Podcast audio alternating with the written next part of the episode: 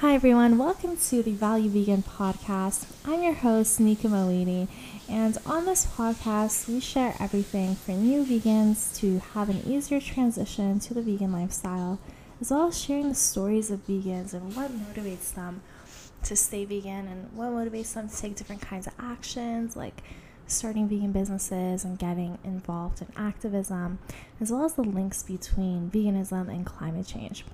And so today I want to share with you some of my key insights that I learned from that vegan couples workshop in Toronto, which I attended yesterday, and also the very first vigil I attended for cows. So I'm really excited to share this information with you to help basically spread this message and really do my part. The main thesis of what that vegan couple shared yesterday was that going vegan is really the least we can do.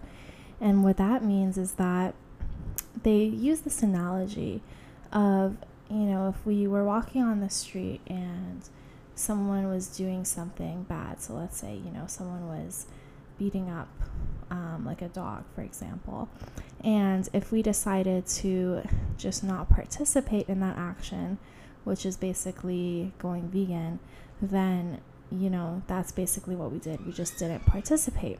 But if we actually actively took a role in stopping that action, then that is what an active vegan does, and that's what it means to be active. And in that sense, really, veganism is going vegan is the least we can do, and there's so much more that each of us can do to share this message to help us grow faster and to make a difference and really speak up for the animals, the planet, and human health.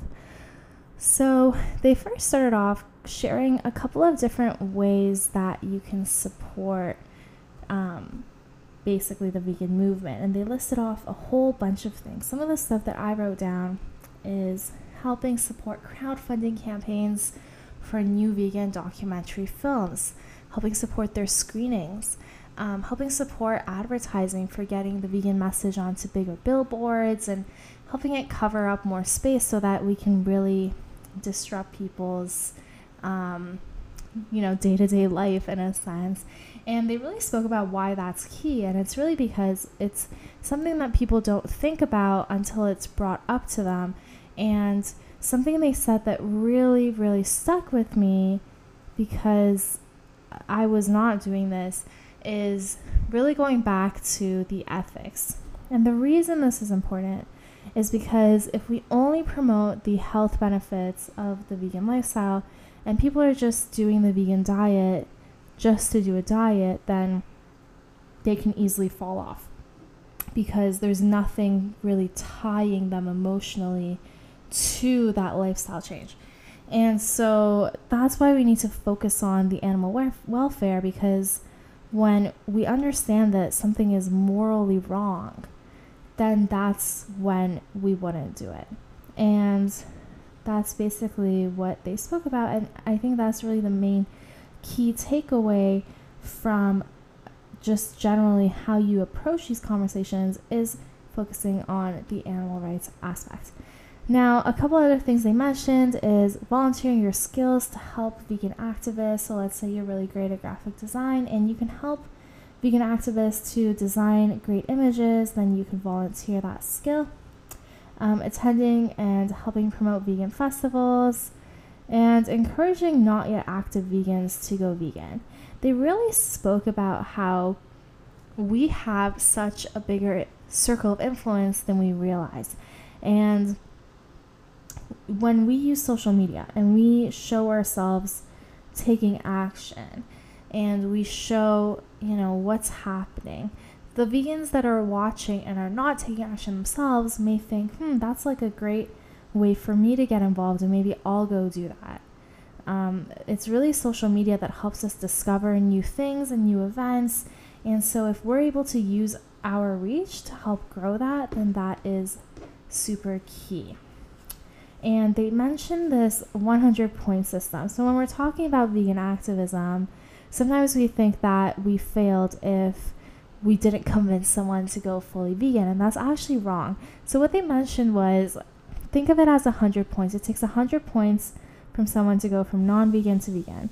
And let's say one conversation, you know, can be 25 points. That's a pretty big number. Then maybe the next thing they do is they go and watch What the Health. And the next thing they do is they go and watch Cowspiracy. And, and when they watch What the Health, that adds on another 20 points. They watch Cowspiracy, that adds on another 20 points. Then maybe another vegan approaches them and has a conversation with them that adds on another 20 points. I don't know the math of where we're at right now, but when that gets to 100 points, then that can then that results in that person being able to go vegan. So that's really the key there. Now, when doing vegan activism, they talked about really the importance of questions. So we always want people to come to their own conclusions. We don't want to be we don't want to be just the ones the only ones talking and just sharing. We want them to kind of reconsider their opinions. So, for example, this is a line of questioning. So when you're at like a cube of truth and you share a video of what happens in the industry, you start off by saying, Hey, have you seen videos like this before? And if they say yes or no, and then you can ask, like, how do these videos make you feel? And then, you know, they'll naturally say, like, it doesn't really feel good and it makes me really sad. And then you can ask, well, what do you think is stopping you from no longer contributing to this abuse by no longer using animal products? And that can really start the conversation and get people really thinking about how they can stop. Con- well, first becoming aware that they are contributing, and then being able to think about how they can not. Now, something that was mentioned is really emphasizing that we are all on the same side. And what this means is you know we're not on a different side and and this is really the key is that we're not attacking people because it's not their fault that that's how they've grown up it's not their fault that that's what they've been exposed to and it's really we're really not trying to blame them but we're all on the same side because we're all passionate about the animals we're all passionate about the environment we're all passionate about our health and that's why we're all on the same side and that's really the, a key message to emphasize and also emphasizing that we've all been kind of deceived by the industry. We've all been lied to because we've been told, you know, that it's healthy and we've been told that it's ethical, but that's just not the way it is. And something important to consider here is using the feel, felt, found approach. So you always want to acknowledge that you were also at one point not vegan yourself. And then you can relate to that person by saying, Hey, I know how you feel. I felt the same way, but I felt the same way for a while. And what I found was that this was actually the case. So, for example, um, I'm not sure if I'll get enough meat, and you're like, uh, sorry, if I get enough protein, and you can say, Well, I know how you feel. I felt the same way, but what I found was that lentils have a lot of protein that spinach and kale can add up in protein. That spirulina is the highest concentrated form of plant protein out there. Um, you might not want to start off with spirulina, maybe it's a little bit out there, but yeah. All right, so something they mentioned is when you're doing outreach, you can film yourself so that you can improve. So you can basically record yourself, film yourself, and really be able to, you know, uh, analyze how well you've done.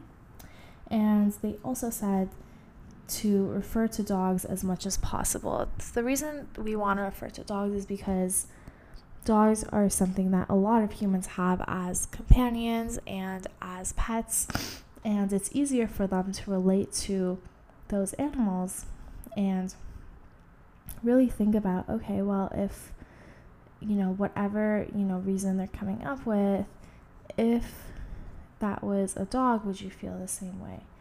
You know, would you feel that it's okay to actually kill dogs and that it's actually necessary to do that, etc. Um, and one key that they use is if they're really objecting, you can say, How does it make you feel to hear yourself say that? How does it make you feel to hear yourself say that, you know, you would kill dogs, for example? Okay, a couple more points don't use the word vegan right away. So this is something that we learned because you know, some people might not really understand veganism. They might not, they might have this negative connotation with it. So you can really just know when the appropriate time is to, to do that. Um, okay, a couple other things. So we want to show the public that this is a big issue, that we are, you know, active and that people are people are passionate about this. So we really want to grow how many people attend events and how many people are involved with activism. Unfortunately, only 1% of vegans, all vegans are actually active. Only 1% of vegans are actually going to protest or are doing anything or doing outreach at all. And so it's really important for us to come out and support, even if you can only go on your lunch break or only go for a little bit of time. It's really important for you to be a part of it so that we can really show, like, hey, look, there's over a hundred people here. This is clearly an important issue versus, you know, five people. And numbers also show that we aren't going away, especially if there's large numbers over a continuous period of time. And, you know, as I said again, it's really not about vegans versus non vegans, it's really about animal exploiting industries versus people, animals, and the environment. Um, all right, so yeah, so again, the diet can come and go. Veganism is about justice. And so that's basically it. Also, a big, a big finding when people say, you know, I, I eat less meat. So you can say, well, you know, do you think it's cool if we just had, you know, less racism, less child abuse, or less, you know, gender equality? Would that gender inequality would that would that be okay or do we want to eliminate injustice completely and it's still a victim, it's still violence, and the victim is just in a different form. And our capacity to suffer is really what unites us as animals. So, that is really it in terms of that. I just want to chat quickly about my experience at the Cow Save.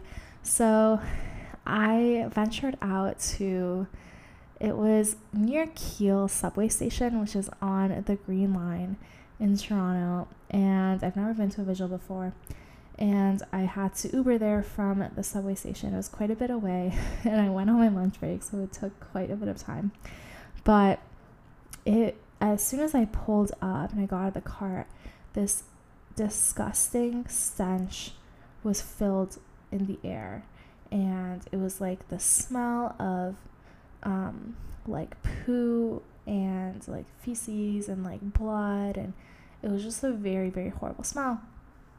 And in this area, which is actually right beside a playground and right beside a residential area, um, there were two major slaughterhouses. And that's the biggest thing that surprised me about it was just how much it was in the city. And looking at the buildings from the outside, it was just, they looked like office buildings. They had glass windows. And I was just really surprised looking at them and really observing them because it was just really shocking how much they just looked like regular places. I mean, other than the horrible smell. And it just had such a dark energy to it because you knew that behind those walls, there was all this suffering going on, there was all this violence happening. And looking at the workers, a lot of them you could tell were from a lower socioeconomic background and they just didn't look like they were very happy and they were on their lunch break and they were just kind of, you know, sitting there and it just wasn't very pleasant. And something to think about is that a lot of these workers don't really want those jobs, but they're the only jobs that they can get um, potentially. So they are kind of stuck with them. And you can imagine that these workers develop post traumatic stress disorder, they develop injuries on their job because it's so violent and it's fast paced. I was reading Glassdoor reviews of working in those places, and people people were saying how, you know, their hands were hurting because they had to move so quickly, and it's just a very very bad environment. As you can imagine, there's probably blood all over the floor, and just you know being surrounded by that energy of death. Um, So it was really bad. And so, anyway, but we had these signs, and I had one that, that said honk. Um, let me find it. It said honk if you support compassion for all animals. Compassion for all, honk to show compassion for all animals. And we were just holding up signs, and a lot of people were looking at my sign and honking. So that was very positive, and I was actually really pleasantly surprised with how many people were being supportive. Now, unfortunately, I did have to leave before the truck came. I was there for a good half hour, but unfortunately, I had to get back to work because I was already way over my lunch break hour. and so I wasn't able to be there, but I later was looking on Instagram and seeing um, my friends that were able to be there. And man, it was just so sad. So the cows that you could see through the crates, the crates had these little oval looking holes in them um, these steel crates, and there was there was dirt and poo hanging out of those holes. And then when you looked inside, the cows were just so scared, and you could really look into their eyes and feel how much they felt confused and sad. And you can imagine these cows were traveling long distances, um, just standing super cramped, standing in their own poo, getting diseases and there were these two cows that were looking at each other and kind of cuddling close to each other and trying to support each other. And it was just very very heartbreaking to think that these cows um, have no idea what's going to happen to them. And the whole purpose of a vigil is that we're able to go and show compassion to these animals for just a few moments if we can to show them that they're seen and they're heard and maybe it's the only compassion they've received in their entire li- lifetime being in so much abuse. So that's really the purpose of it. The morning they actually had um, a pig vigil, which you know you got to actually go and, t- and touch the pigs and and to see them but those pigs also similarly they were so scared they were so um, overwhelmed and it was just very very depressing so the reason that you should go attend a vigil, though, is to really actually see physically in your own city what this industry looks like because I think that each of us has a responsibility to understand what is going on and to be able to then take action on that information because it's very important to educate ourselves and be aware of what's happening and to also just just be able to witness and and really reignite your passion for doing what you do. So that is that. Thank you guys so much for listening to this episode. If you liked it, make sure to subscribe and stay tuned for new episodes coming soon. And make sure to follow me on, on Instagram at Value Vegan and on YouTube at Value Vegan as well. And we will see you all later.